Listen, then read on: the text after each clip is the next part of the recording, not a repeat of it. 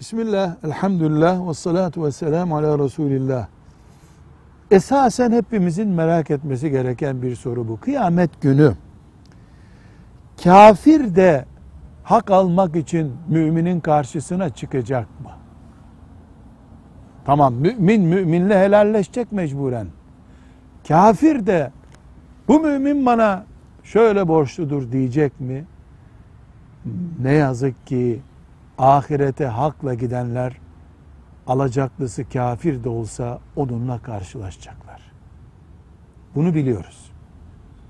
Ama bu helalleşme nasıl olacak onu bilmiyoruz. Müminle nasıl olacak biliyoruz. Mümin alacaklısına sevaplarından verecek. Kafirin böyle bir imkanı yok. Allah adaleti sağlayacak.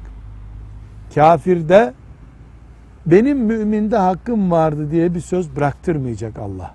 Ama bu nasıl olacak bunu bilmiyoruz. Velhamdülillahi Rabbil Alemin.